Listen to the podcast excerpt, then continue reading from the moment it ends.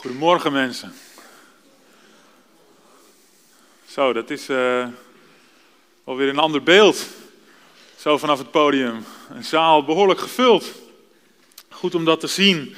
Mooi dat het weer kan en dat het weer mag. Ik ga toch even worstelen met, met het water. Misschien dat het zo wel lukt. Mensen, ik heb uh, voor vanmorgen voorbereid om met jullie een gedeelte uit Amos te behandelen. En Amos is natuurlijk niet zo bekend. Um, dus dat heeft wel wat uitleg nodig. Maar ik lees uit Amos 5, de versen 1 tot en met 17. En dat doe ik uit de herziene statenvertaling. Er staat bij mij nog boven Israëls val voorzegt, vermaning tot boete. Luister naar dit woord dat ik aanhef over u, een klaaglied, huis van Israël. Zij is gevallen, zij zal niet meer opstaan, de maagd Israël. Zij ligt verlaten op haar land, er is niemand die haar opricht. Want zo zegt de Heere Heere, de stad die optrekt met duizend, zal er honderd overhouden. En die optrekt met honderd, zal er tien overhouden voor het huis van Israël. Want zo zegt de Heere tegen het huis van Israël: Zoek mij en leef. Maar zoek niet in Bethel. In Gilgal moet u niet komen en u moet niet naar Beersheba trekken. Want Gilgal zal zeker in ballingschap gaan en Bethel zal tot niets worden. Zoek de Heere en leef. Anders zal hij het huis van Jozef als een vuur binnendringen, het verteren en zal er voor Bethel niemand zijn om te blussen. Wee hun die recht in alsem veranderen, die gerechtigheid ter aarde doen liggen. Hij die het zevengesternte en de Orion gemaakt heeft, die de schaduw van de dood verandert in morgenlicht, die de dag duister maakt als de nacht, die het water van de zee roept en over het oppervlak, aardoppervlak uitgiet. Heere is zijn naam die zich verkwikt door de verwoesting over de sterke. Ja, verwoesting komt over de vesting. Zij haten wie in de poort opkomt voor het recht. Zij hebben een afschuw van wie de waarheid spreekt. Omdat u de armen vertrapt en van hem een heffing op koren neemt, daarom hebt u huizen van gehouwen steen kunnen bouwen, maar u zult er niet in wonen. Begerenswaardige wijngaarden hebt u kunnen planten, maar u zult de wijn ervan niet drinken. Want ik weet dat uw overtredingen veel zijn en uw zonde talrijk. U drijft de rechtvaardige in het nauw. U neemt zwijggeld aan. U duwt armen in de poort opzij. Daarom zwijgt de verstandige in die tijd. Want het is een kwade tijd. Zoek het goede en niet het kwade opdat u leeft. Dan zal de Heere, de God van de legermachten, met u zijn, zoals u altijd zegt. Haat het kwade en heb het goede lief. Handhaaft het recht in de poort. Misschien zal de Heere, de God van de legermachten, genadig zijn voor het overblijfsel van Jozef. Daarom, zo zegt de Heere, de God van de legermachten, de Heere, op alle pleinen zal er rouwklacht zijn. Op alle straten zullen ze zeggen, ach, ach. Akkerbouwers roept men op tot rouwbetoon en de klaagzangers tot rouwklacht. En in alle wijngaarden zal er rouwklacht zijn, want ik zal door uw midden trekken, zegt de Heere. Nou, aangrijpende tekst. En voordat ik de tekst ga uitleggen, even het volgende voorbeeld. Stel je voor, zaterdagmorgen, je hebt lekker de tijd, je zit daar met een goede bak koffie of een kop thee of wat je maar lekker vindt en je hebt de tijd voor de zaterdagkrant. Je hebt echt het idee, ik hoef helemaal niks, je bent ontspannen en je leest door die krant heen, maar dan ineens, dan valt je oog op een overlijdensadvertentie. En je leest die advertentie en tot je grote schrik staat daar je eigen naam. Met groot verdriet moeten we helaas meedelen dat afgelopen week uit het leven is weggerukt onze geliefde. En daar lees je je eigen naam. Je schrikt een beetje, maar je denkt meteen, het zal wel iemand anders zijn die dezelfde naam droeg als ik. Maar je kijkt nog eens goed naar die advertentie en je ziet de geboortedatum, ja de geboorteplaats, ze zijn de jouwe. Je wordt er een beetje misselijk van. Je laat het aan een ander zien en, en jullie spreken erover, dit is toch een vrede, een vrede flauwe grap. Dit is toch onsmakelijk. Dat doe je toch niet? Maar dit is precies wat Amos doet. Amos die schrijft als het ware een overlijdensadvertentie voor het volk Israël. Ja, dat deden ze in die tijd anders. Amos heft een klaaglied aan over Israël alsof Israël al gestorven is. En dat is vreemd, want het is springlevend. Het gaat beter in Israël dan het jaren is geweest. En toch is dat wat Amos doet. We hebben dat gelezen. In vers 2 bezinkt hij het lot van Israël alsof het een maagd is geweest die stierf. Met andere woorden, een verloren leven. Nog niet getrouwd, nog geen kinderen gekregen, niet vruchtbaar geweest, een verloren leven. In vers 3 schakelt Amos over en dan gaat hij naar de realiteit. Het leger van Israël zal volkomen machteloos staan om zich te verdedigen of om nog aan te vallen. Want al trekken er duizend of honderd mannen uit, er zal slechts een tiende terugkeren. De rest wordt verslagen. Zo opende Amos de tekst die we met elkaar lazen, maar zo eindigt hij ook. In vers 16 en 17 spreekt hij over de straten en de pleinen, over de wijngaarden. Dat zijn de plaatsen die in Israël geassocieerd worden met vreugde en leven. Maar daar klinkt de rouwklacht. Amos klaagt over het volk van God alsof het al gestorven is. Het is net een overlijdensbericht. Bijzonder sarcastisch. Maar vergis je niet, het is niet grappig bedoeld. Amos is bloedserieus. Even wat achtergrond over Amos. Oh, ik zie dat het, uh, het pijltje verschoven is. Ik weet niet waar dat door ontstaan is, maar Tekoa ligt niet op de plek waar het nu staat. Maar Amos komt uit Tekoa, een plek in dat Zuidrijk Juda.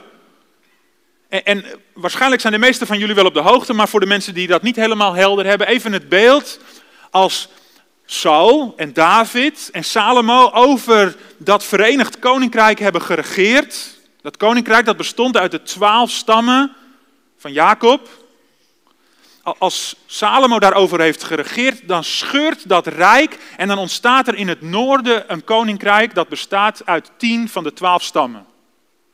In het Zuidrijk blijft naast Juda alleen Benjamin over, rondom Jeruzalem.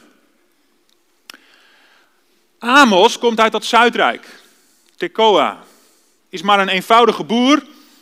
Hij is een teler van moerbijvijgen, heeft nog wat schapen, wat kleinvee is dus helemaal geen profeet, maar hij krijgt van God de opdracht om naar dat Noordrijk te reizen. En die pijl die staat dus ook niet naar Samaria gericht, maar dat ligt uh, ja, een beetje in het midden van het linkerdeel wat Israël heet. Dat Noordrijk dat wordt dus Israël genoemd of Ephraim. En daar in Samaria, de toenmalige hoofdstad, daar regeert Jerobiam de tweede. Niet te verwarren met de eerste. Jerobiam I, dat was de eerste koning van dat Noordrijk. En Jerobiam die is een strategisch denker. En die denkt, ik heb nu wel die tien stammen om over te regeren, maar ik moet voorkomen dat ze allemaal weer naar Jeruzalem reizen om daar de God van Israël te aanbidden. Weet je wat ik doe? Als ik dat zou, als ik dat zou toelaten, dan verlies ik mijn invloed en dan gaan ze daar in Juda weer mee en de aanbidding. Weet je wat ik doe? Ik zet in Bethel, in het zuiden van ons rijk, zet ik een gouden stierkalf. Ik doe dat ook in het noorden, in Dam. Maar als de mensen dan naar Jeruzalem reizen, dan moeten ze langs Bethel. Dan komen ze daar dat stierkalf tegen en dan ontdekken ze, hé, maar daar kunnen we ook aanbidden. En zo houdt Jerobiam de eerste dat volk van God bij God vandaan. En dan gaat het eigenlijk met dat Noordrijk van kwaad tot erger. en waar onder Salomo de grenzen ver buiten Jeruzalem lagen, daar krimpen de grenzen ook van dat Noordrijk in de dagen en de jaren na Jerobeam. Totdat Jerobeam II aan de macht komt. Dat is een, uh, een man die geluk heeft in die zin dat de omringende volken eigenlijk niet meer in staat zijn om te doen wat ze daarvoor wel konden. Ze zitten als het ware in tegenslag. En daardoor zit Jerobiam II in een machtsvacuum. Hij kan uitbreiden omdat de andere koningen in zijn tijd de macht niet hebben. Dus hij verlegt de grenzen. Hij maakt mee met het koninkrijk van zijn tijd dat het economisch weer goed gaat. Dat het militair gezien weer goed gaat. Dus het volk van Israël, het Noordrijk, dat bloeit op. En juist in die tijd komt Amos. Met dus die vreemde boodschap, alsof Israël al gestorven is. Het is vreemd. Het is als een donderslag bij heldere hemel. Je zou er bang van worden. Maar het is ook wreed. Het gaat eindelijk weer een beetje beter met dat Noordrijk. En dan komt dat boertje uit het zuiden, komt het voor ons verpesten? Waarom gunt hij ons nou niet gewoon de voorspoed? Zou je kunnen denken. Waarom begint hij nu over de dood van het rijk terwijl het zo goed gaat? Nou, het antwoord vinden we heel eenvoudig in de structuur van zijn boodschap. De structuur van Amos 5, vers 1 tot 17 is chiastisch opgebouwd. Moeilijk woord, chiastisch. Maar de stijlfiguur die noemen we een chiasme. En die, gebruikt eigenlijk de parallel van het eerste deel, wat weerspiegeld wordt in het laatste deel. En het tweede deel wordt weerspiegeld in het één laatste deel, en zo totdat er een centrum zichtbaar wordt. En in die boodschap maakt Amos dus duidelijk, de Heere is zijn naam. Hij maakt door die keus van die naam, maakt hij duidelijk wat hij in dat Noordrijk eigenlijk komt zeggen. De aanwezigheid van God staat centraal. Amos kiest heel bewust voor de godsnaam. dat is de weergave, heren, met hoofdletters in het Oude Testament. Dat is de weergave van de Hebreeuwse godsnaam. Bestaande uit die vier letters, de J-H-W-H. De klinkers die kennen we er niet bij. Maar dat is die naam die God aan Mozes had geopenbaard. Bij die brandende braamstruik die door God dan wordt geparafraseerd of uitgelegd als ik ben erbij, ik ben. En Amos komt naar dat Noordrijk en hij presenteert die boodschap, Heere is zijn naam. Met andere woorden, jullie denken misschien wel dat God niet aanwezig is. Jullie denken misschien wel dat je kunt doen waar je zelf zin in hebt, alsof God het niet ziet. Jullie denken misschien wel dat God niet in staat is om te reageren. Maar dit moeten jullie weten. Heere is zijn naam. Hij is erbij. Hij heeft het allemaal gezien. En hij zal reageren. Rondom die centrale uitspraak in de versen 8 en 9 zien we dat God gaat reageren. Twee elementen komen daarin naar voren. God is het die verandering bewerkt. Kijk even mee naar vers 8. Hij is het die het zevengesternte, of de Pleiade, en de Orion gemaakt heeft. Twee sterrenbeelden waarvan men in de oudheid zei dat die sterrenbeelden die markeren de overgang van de seizoenen. Dus als Amos hier over de sterrenbeelden begint, dan begint hij niet zozeer over de sterren, maar dan begint hij over de verandering van de seizoenen. God is het die verandering bewerkt. Hij is het die de schaduw van de dood verandert in morgenlicht. Hij maakt dat de nacht weer dag wordt en dat de dag weer nacht wordt. Hij is het die verandering bewerkt, die het water van de zee roept en over het aardoppervlak uitgiet. Hij is in control over hoog en, hoog en laag water. God is het die verandering bewerkt. Dat is de boodschap die Amos brengt. Want Heere is zijn naam. Hij is erbij. Hij is in staat te veranderen. En het tweede element, dat vinden we dan in vers 9. Wat betekent het nou dat hij erbij is? Hij is in staat om te verwoesten. Vers 9. Hij is het die zich verkwikt door de verwoesting over de sterke. Ja, verwoesting komt over de vesting. God verandert, brengt verandering. En God verwoest, hij brengt verwoesting. En dan is het in vers 9 zelfs zo dat de suggestie hier concreet wordt dat God zich er nog in verheugt ook om die verwoesting te brengen. Hij verkwikt zich door de verwoesting over de sterke. Nou Alice, dan heb je net je best gedaan om in vier liederen ons mee te nemen in de gedachte, ik wil dicht bij u zijn. En dan luisteren we naar Amos en dan zegt Amos, maar God verkwikt zich door verwoesting. Willen we dan eigenlijk wel dicht bij die God zijn?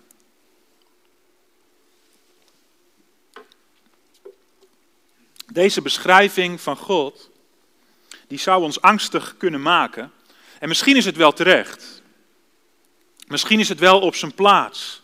Want de macht van God, die hier wordt beschreven in de verandering die hij kan bewerken, en in de verwoesting die hij kan aanrichten, die presenteert Amos heel bewust. Misschien is het je opgevallen, maar Amos doet eigenlijk een woordspelletje met die termen verandering en verwoesting. Want in vers 7, dat zit hem hier in die structuur, in vers 7 horen we nog een restje van de aanklacht. Waarom is God zo uit op verandering en verwoesting? Nou, dat blijkt uit de aanklacht van vers 7. In vers 7 lezen we, wee hun die recht in alsem veranderen. Die gerechtigheid ter aarde doen liggen. Het recht, dat wordt door deze machthebbers, deze mensen, veranderd in alsem. Alsem, dat is een plant en die is bijzonder bitter. En dan gaat het, als die plant genoemd wordt, niet over de plant zelf, maar dan gaat het over de bitterheid die in de plant zit. Zozeer dat Amos in hoofdstuk 6, vers 12 dat woord alsem kan gebruiken als parallel voor vergif. Dus het recht, datgene wat goed is, je zou kunnen zeggen dat smaakt zoet, dat wordt veranderd in alsem. Wat je niet binnen kunt houden. Dus er zijn mensen die hebben verandering gebracht. En er zijn mensen, zo blijkt uit de tweede aanklacht, vers 10 en 13, die hebben verwoesting gebracht. Kijk maar naar vers 11.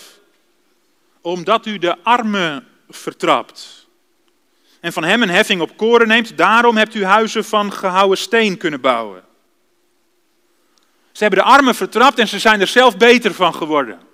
Ze hebben hun huizen kunnen bouwen van goed materiaal, omdat ze die anderen hebben uitgebuit. Dus ze hebben verwoest, ze hebben die armen vertrapt. En daar richt de toorn van God zich tegen. Als jij denkt dat je dingen kunt veranderen ten koste van die ander, als jij denkt dat je die ander kunt verwoesten ten faveur van jezelf, dan zal God laten zien, Heere is mijn naam. Ik ben erbij, ik heb het gezien. En ik ben meer nog dan jij in staat om te veranderen, in staat om te verwoesten. Hij heeft het niet alleen gezien, hij was er niet alleen bij, maar hij is in staat om te doen waarvan deze mensen hadden gedacht dat het niet meer mogelijk was. En hij zal het doen. Notabene met zijn eigen volk. Die beide aanklachten, rondom die centrale boodschap, Here is zijn naam, die beide aanklachten, die maken duidelijk dat God zich verzet tegen deze mensen dat zijn oordeel gericht is op hen. En dat zijn oordeel komt is zo zeker dat Amos de dood van het volk kan bezingen alsof het al heeft plaatsgevonden. Het is met recht een kwade tijd. Toch zit er in die structuur een vreemd element. Als we beginnen met een klaaglied en als we dan in het hart zien dat God gaat reageren op de verandering en de verwoesting die mensen hebben gebracht, dan past dat allemaal bij elkaar, maar dan is het vreemd dat daar nog een oproep tussen zit. Of niet? En daar vinden wij het perspectief. Wij hoeven niet bang te zijn. We hoeven niet De uitnodiging die Alice deed in die liederen om ons mee te nemen naar de Heer, om dat verlangen op te wekken, ik wil dicht bij u zijn, dat hoeven we niet als we naar Amos kijken ineens weer los te laten. Nee, dat wordt misschien door die tekst van Amos juist wel gevoed. We vinden in die oproep een uitnodiging. Zoek mij en leef. Zoek het goede en leef. Het is toch vreemd dat die oproeper zit als Amos eerst aankondigt dat het volk al gestorven is. Als hij eindigt met de gedachte dat op die plaatsen waar feest gevierd wordt, waar het leven zich plaatsvindt, dat daar de rouwklacht klinkt. Maar juist op deze manier, door wat Amos hier presenteert, wordt duidelijk dat er voor de machthebbers, voor de misbruikers, voor de onderdrukkers, voor hen die het woord van God verdraaien, dat er voor hen geen perspectief meer is.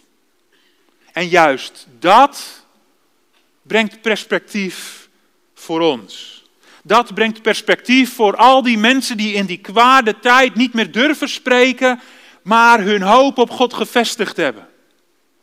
Dat brengt perspectief voor al die mensen die werden weggedrukt, die werden vertrapt, die werden uitgebuit en misbruikt en onrechtvaardig behandeld.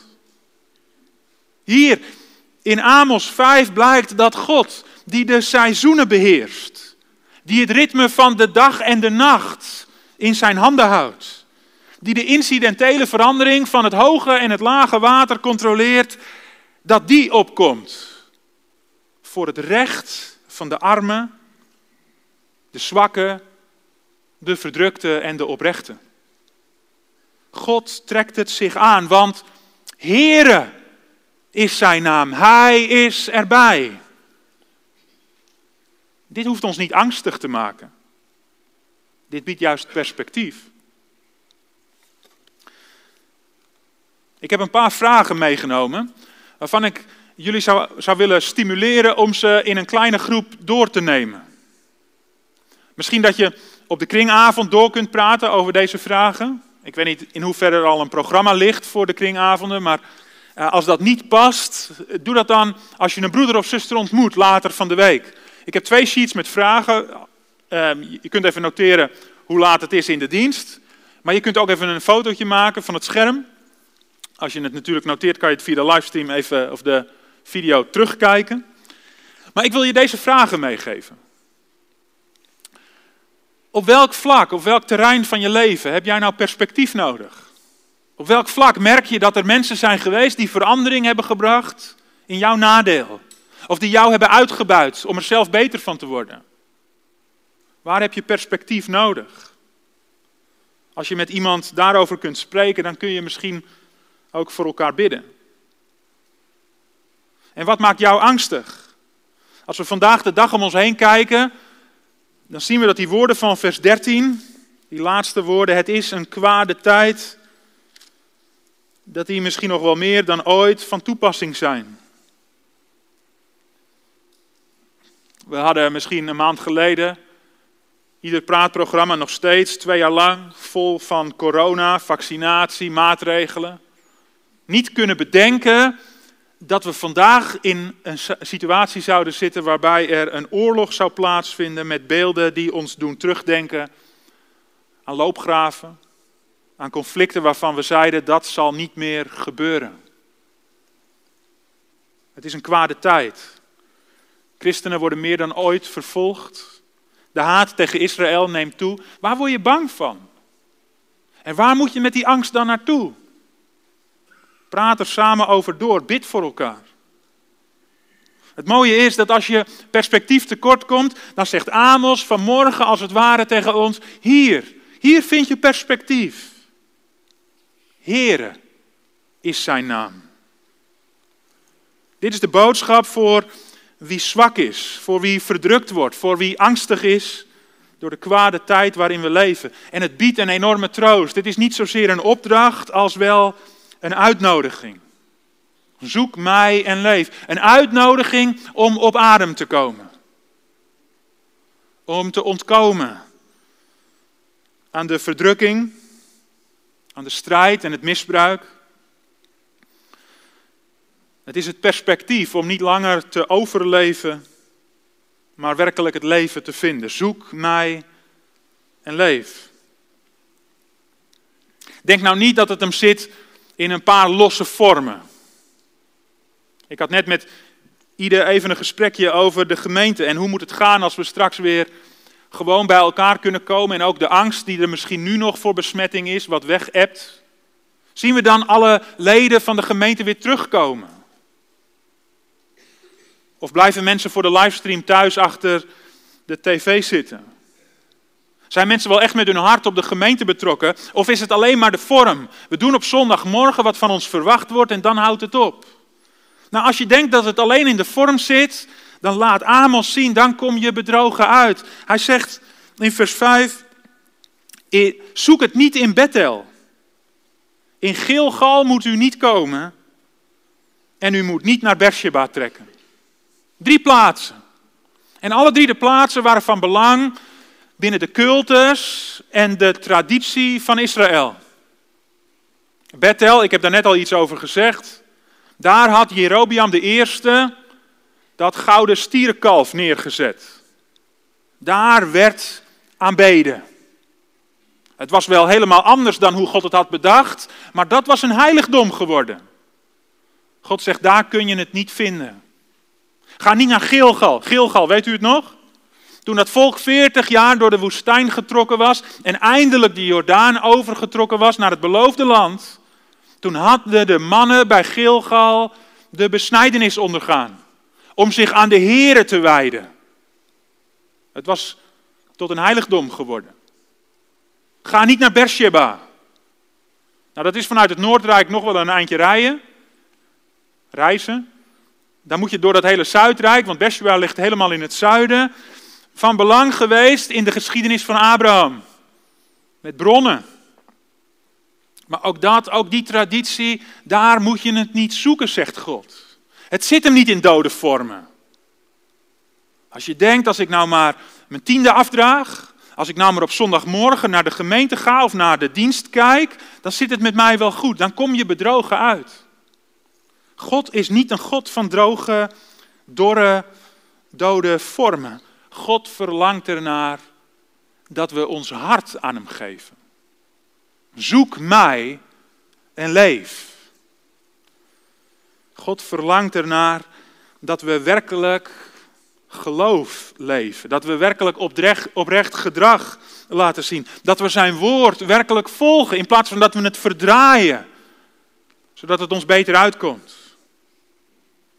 Dat is wat ze deden. Kijk naar vers 14 en 15. Daar zegt Amos, zoek het goede en niet het kwade, opdat u leeft. Dan zal de Heere, de God van de legermachten, met u zijn, zoals u altijd zegt. De mensen hadden de mond wel vol van God. Oh, God zal met ons zijn.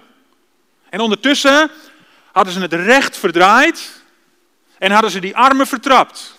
Oh, God zal met ons zijn. Kijk maar, gaat ons toch voor de wind. We hebben toch mooie huizen van gehouwen steen. God zal wel met ons zijn. Nee, zegt Amos, zoek nou het goede en niet het kwade. En dan zal het misschien zo zijn dat je altijd loopt te roepen. Het zit hem niet in dode vormen. Het zit hem niet in het verdraaien van zijn woord. God nodigt uit om te komen met heel je hart.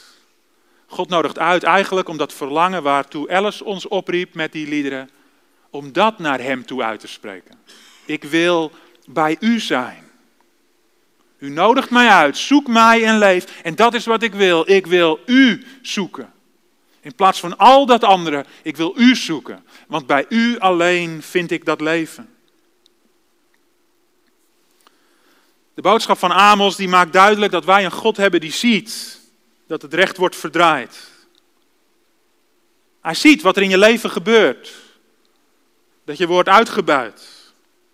Dat je wordt misbruikt. Beschadigd en vernederd. Hij ziet het als je je zorgen hebt over uitsluiting in deze maatschappij. Omdat je misschien niet meegaat of mee wil met wat de grote groep wel doet. Hij ziet het als er polarisatie is onder gelovigen. Omdat ze zich hebben ingegraven in één element. maar het zicht op de Heer Jezus misschien wel zijn kwijtgeraakt. Hij ziet het niet alleen, maar hij zal er ook op reageren. Dat is de boodschap die we hier vanmorgen leren. Hij ziet het niet alleen, maar hij zal er ook op reageren. Hij is het die verandering kan bewerken, die de grote systemen kan omdraaien. Wat Amos hier zegt over verandering, dat bracht bij mij associaties naar boven van twee andere teksten, bekendere teksten. En ik lees in eerste plaats met jullie uit Lucas 1, de versen 51 en 53.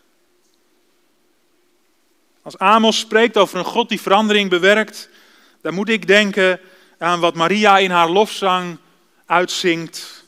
Als ze ontdekt niet alleen dat ze zwanger is, maar als de boodschap van de engel over Elisabeth ook bevestigd is. En dan zegt ze, dan zingt ze in Lucas 1, vers 51 het volgende over God. Hij heeft een krachtig werk gedaan door zijn arm. Hij heeft hen die hoogmoedig zijn in de gedachten van hun hart uiteengedreven. Hij heeft de machtigen van de troon gestoten en nederigen heeft hij verhoogd. Hongerigen heeft hij met goede gaven verzadigd en rijken heeft hij met lege handen weggezonden. De God die verandering brengt, wordt door Maria bezongen. Het breekt door als Maria ontdekt dat ze zwanger mag zijn van de Messias van Israël. En als die Messias dan in Nazareth komt en uit de boekrol leest, dan leest hij uit Jesaja 61. En dat is de andere tekst waar ik aan moest denken. Jesaja 61. Jezus betrekt Jesaja 61 op zichzelf. En dat zijn deze woorden. De geest van de Heere Heere is op mij, omdat de Heere mij gezalfd heeft om een blijde boodschap te brengen aan zachtmoedigen. Hij heeft mij gezonden om te verbinden de gebrokenen van hart. Om voor de gevangenen vrijlating uit te roepen en voor wie gebonden zaten opening van de gevangenis. Om uit te roepen het jaar van het welbehagen van de Heer en de dag van de wraak van onze God. Om alle treurenden te troosten. Om aangaande de treurenden van Zion te beschikken dat hun gegeven zal worden sieraad in plaats van as. Vreugdeolie in plaats van rouw. Een lofgewaad in plaats van een benauwde geest. Opdat zij genoemd worden eiken van de gerechtigheid. Een planting door de Heere om Hem te verheerlijken. De dag van de wraak van onze God, waar Amos het ook al over had, blijkt in Jesaja juist het perspectief voor hen die treuren. Voor hen die gevangen zitten. Voor hen die benauwde geest hebben met rouw en as worden geconfronteerd. Boodschap van Amos vanmorgen laat zien, Heere is zijn naam. Hij is erbij, hij ziet en hij hoort wat er gebeurt en hij zal erop reageren. Want hij brengt verandering waar mensen verandering hebben ingezet tegen hem in. Hij brengt verwoesting Waar mensen anderen hebben vertrapt. En juist dat brengt perspectief. De verandering die God verlangt, die is met de komst van Jezus Christus dus al ingezet. En soms zien we er nog maar weinig van, maar wie zich aan Jezus Christus overgeeft, kan er hier en nu al van proeven. De grote patronen en de grote systemen van deze wereld, waar we allemaal in gevangen zitten, worden door God veranderd. En het begin is al gemaakt in de komst van Jezus Christus. En zoals we net de dienst begonnen, ieder sprak die bekende woorden, wat God eenmaal begonnen is, laat Hij niet meer los. Hij maakt het af. Laat je dan bemoedigen door deze God. Die God waarvan Amos zegt, Heere is zijn naam. Laat je bemoedigen door deze God die je uitnodigt om werkelijk te leven. Werkelijk te leven voor Hem. Want Hij reikt perspectief aan hoe kwaad de tijd ook is. Nog twee vragen om persoonlijk over door te praten. Die preek en die tekst in je eigen leven te verwerken. Met wie zou je samen naar God kunnen? Misschien wel om te danken voor de bevrijding die er al is geweest. Misschien moet je met iemand danken voor wat God in je leven heeft gedaan, voor de verandering die God al heeft bewerkt. Maar misschien moet je ook wel met die ander naar de Heer, omdat je zegt: Ik heb zo'n behoefte aan verandering. De bevrijding is bij mij nog niet compleet. Bid dan samen voor. Maar ook deze vraag, en die is misschien wel confronterend. Welk kwaad heb je nog lief? In vers 15 staat: haat het kwade en heb het goede lief. Het was in Israël in de dagen van de 8e eeuw voor Christus niet het geval. Het kwade, dat werd gezocht. Het goede werd gehaat. En zo is het in ons leven misschien ook zo vaak. Dat we ergens in een verborgen plek van ons hart het kwaad nog lief hebben. En hoe kun je daar nou mee breken? Wat kan dat ongelooflijk ingewikkeld zijn? Dat je dat ene deel in je leven hebt waarvan je merkt, dat eigenlijk kan ik daar niet over heersen, maar het heerst over mij. Ik zou het eigenlijk niet willen, maar toch, ik heb dat kwaad zo lief. Het lijkt me nog zoveel te brengen.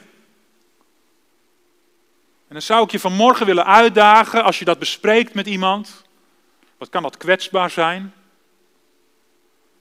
Maar je helpt jezelf er ook mee, want dat betekent dat er iemand is die je kan bevragen na verloop van tijd, die voor je kan bidden, die met je meestrijdt.